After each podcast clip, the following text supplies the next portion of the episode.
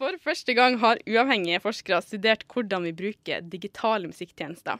I prosjektet Sky og scene, trender i musikkulturen, fikk forskere tilgang til strømmetjenesten Wimp Tidal.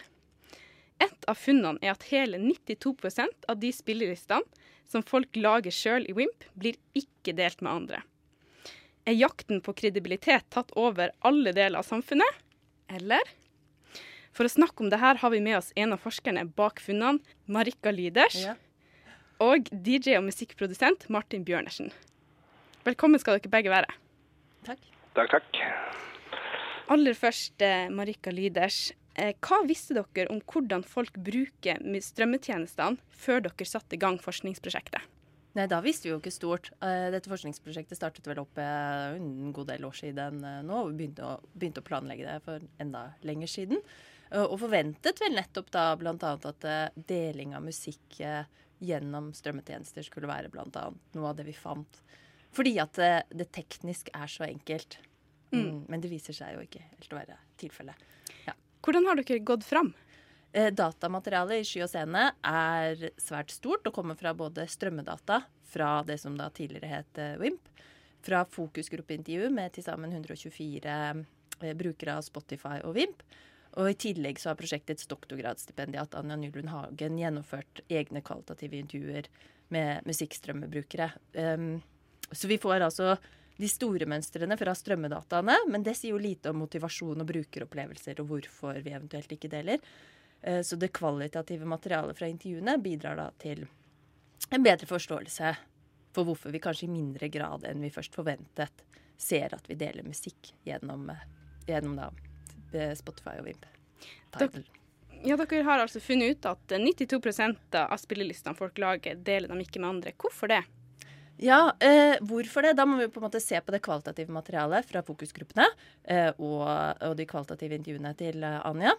Eh, og der kommer det frem tre delingsmønstre. Man kan dele musikk annet enn bare ved å dele eh, spillelister. Kan også være at man deler enkeltsanger til enkeltpersoner, f.eks. Eh, men vi ser da i det kvalitative materialet at vi har tre delingsmønstre. De som deler alt med alle, og som aldri bruker private sessions, f.eks.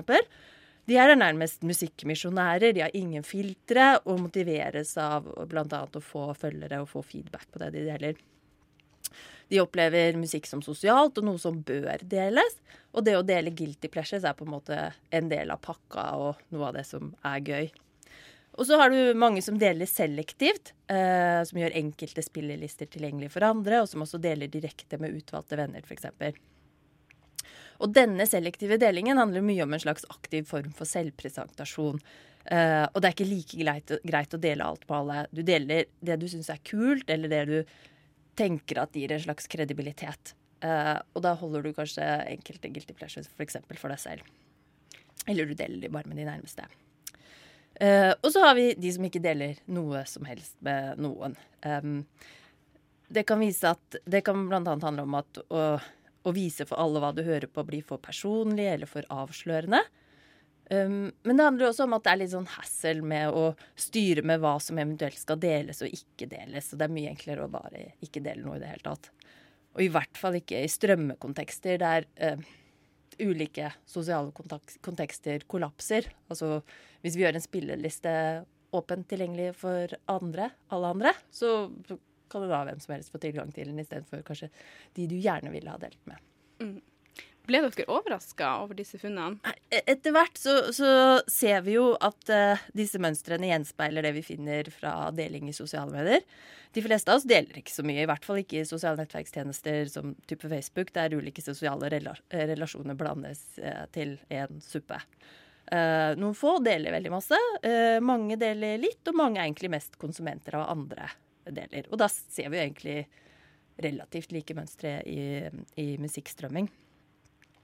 Og så Når det gjelder musikk, så viser jo dessuten tidligere forskning fra mange tiår tilbake at musikkopplevelser ofte, ofte oppleves som personlige og nesten til tider klissete sentimentalt. Eh, og det funker ikke alltid å dele utover nære venner man klikker med musikkmessig. Ja. Samtidig så er det i utgangspunktet en sosial status knyttet til å ha en sånn bred, eh, eh, brede kulturelle preferanser. Både musikk eh, både smale musikksjangre, topplister og guilty pleasures. Det gjør jo at du kan snakke med og bonde med mange forskjellige typer mennesker. Men det krever en slags uh, kulturswitching. Uh, altså du må på en måte uh, ha evnen til å vite når du skal snakke om samtidsmusikk, og når du skal snakke om Rihanna. Mm. Og det er vanskeligere å få til da i Spotify og Tidal. Da spør vi DJ-en og musikkskribenten det samme. Ble du overraska over disse funnene, Martin Bjørnersen? Ja, det vil jeg faktisk si.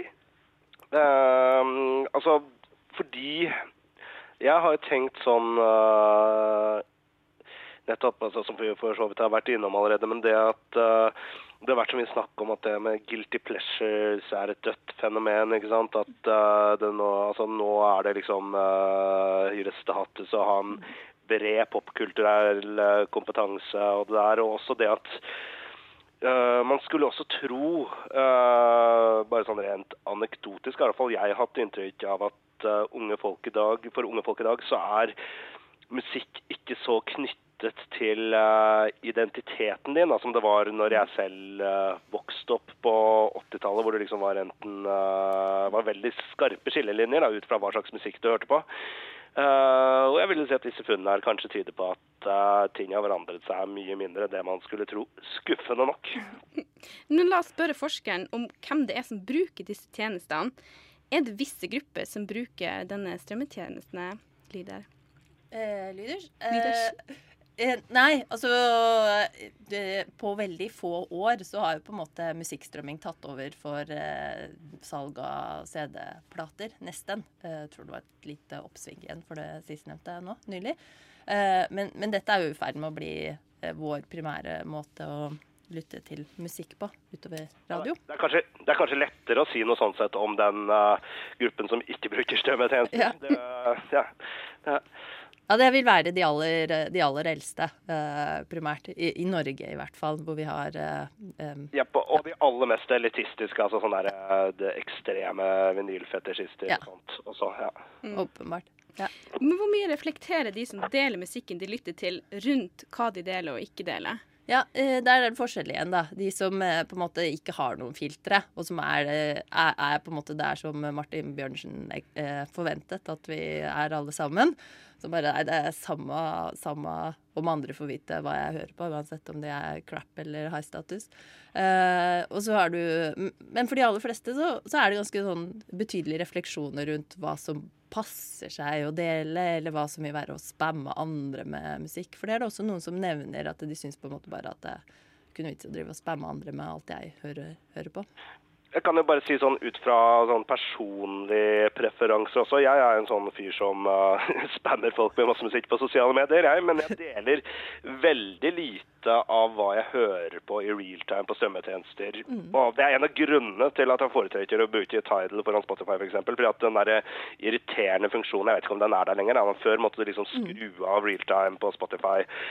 Fordi at det er altså av flere grunner. Det kan være liksom, ja, noen liksom helt spesifikke grunner. I og med at jeg jobber med musikk, så kan jeg sitte og researche noen ganger, og da blir det liksom en sånn strøm av veldig merkelige ting som ikke Altså, det er ikke noe mening å dele, men det er så klart også uh, hva man hører på klokka fire natt til søndag kan fortelle litt mer private ting om deg selv enn det, enn det man egentlig vil. da. Uh, både den ene veien og den andre. Men du mener altså det her med at musikk er en form for selvrepresentasjon, det er på vei ut. Hvorfor mener du det?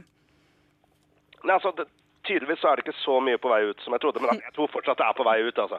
Det var, mye, det var enda sterkere før. da.